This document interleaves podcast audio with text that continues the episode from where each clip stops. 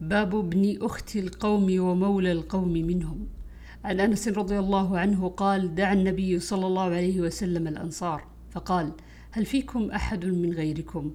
قالوا لا إلا ابن أخت لنا. فقال رسول الله صلى الله عليه وسلم ابن أخت القوم منهم.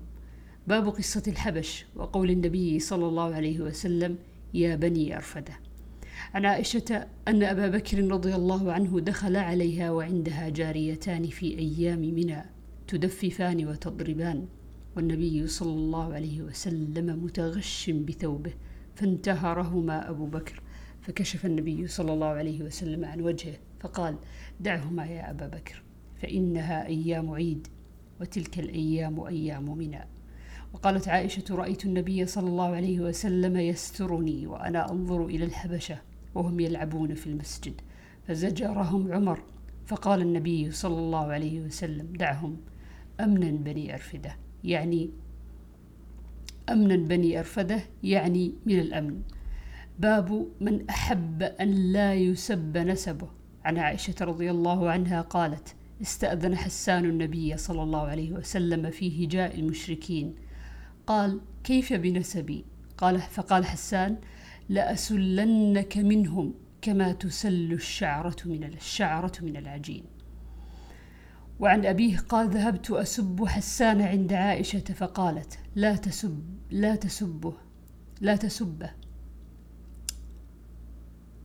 فإنه كان ينافح عن النبي صلى الله عليه وسلم.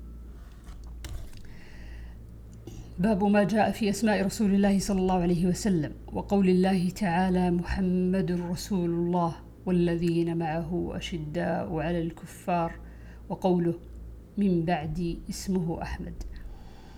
عن محمد بن جبير بن مطعم عن أبيه رضي الله عنه قال قال رسول الله صلى الله عليه وسلم لي خمسة أسماء أنا محمد وأحمد وأنا الماحي الذي يمحو الله بي الكفر. وأنا الحاشر الذي يحشر الناس على قدمي وأنا العاقب. عن أبي هريرة رضي الله عنه قال قال رسول الله صلى الله عليه وسلم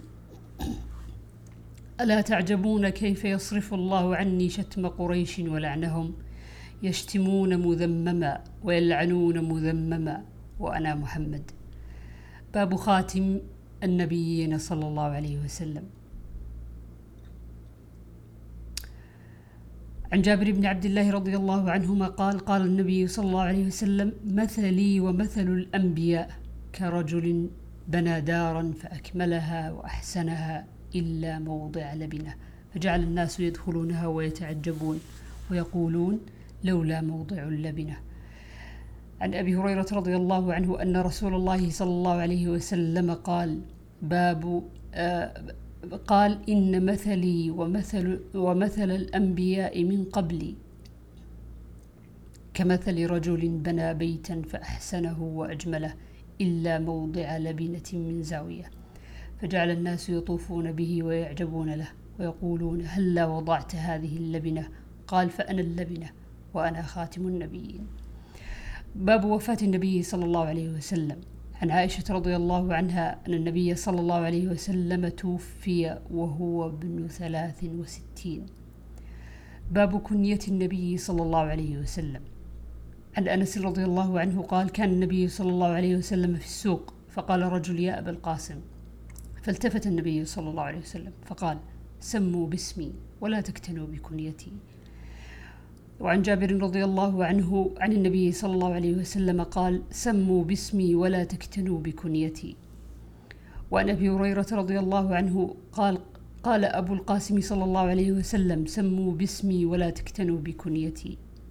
باب عن الجعيد بن عبد الرحمن رأيت السائب ابن يزيد ابن أربع وتسعين جلدا معتدلا. فقال قد علمت ما متعت به قد علمت ما متعت به سمعي وبصري إلا بدعاء رسول الله صلى الله عليه وسلم. إن خالتي ذهبت بي إليه فقالت يا رسول الله إن ابن أختي شاك فادعوا, فادعوا الله. قال فدعا لي.